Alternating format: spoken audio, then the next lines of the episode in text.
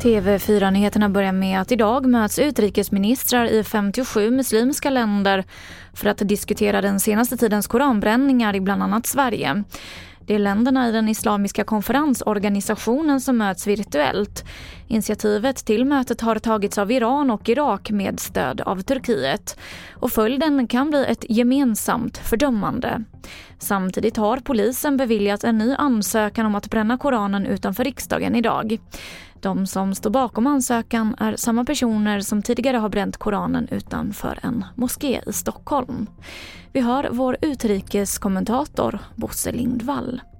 Förmodligen landar de i ett fördömande vilket ju i sig kan tyckas vara en, eh, så att säga, en eh, eh, väntad konsekvens av ett sånt här möte.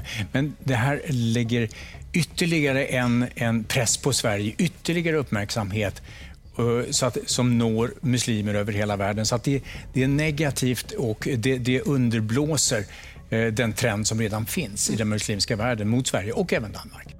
Så till Norge där över 40 personer har evakuerats efter flera jordskred igår kväll. Det rapporterar norska medier. Jordskreden har drabbat ett dussintal hus i kommunen Molde i nordvästra delen av Norge. Ingen har hittills rapporterats omkommen eller försvunnen enligt polisen, men två personer är lindrigt skadade. Det här var det senaste från TV4 Nyheterna. Jag heter Emily Olsson.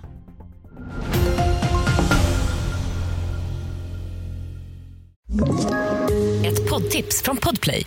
I podden Något Kaiko garanterar östgötarna Brutti och jag, Davva, dig en stor dos skratt.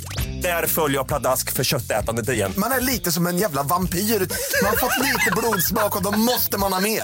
Udda spaningar, fängslande anekdoter och en och annan arg rant. Jag måste ha mitt kaffe på morgonen för annars är jag ingen trevlig människa. Då är du ingen trevlig människa, punkt. Något Kaiko, hör du på Podplay. Därför är gardinerna.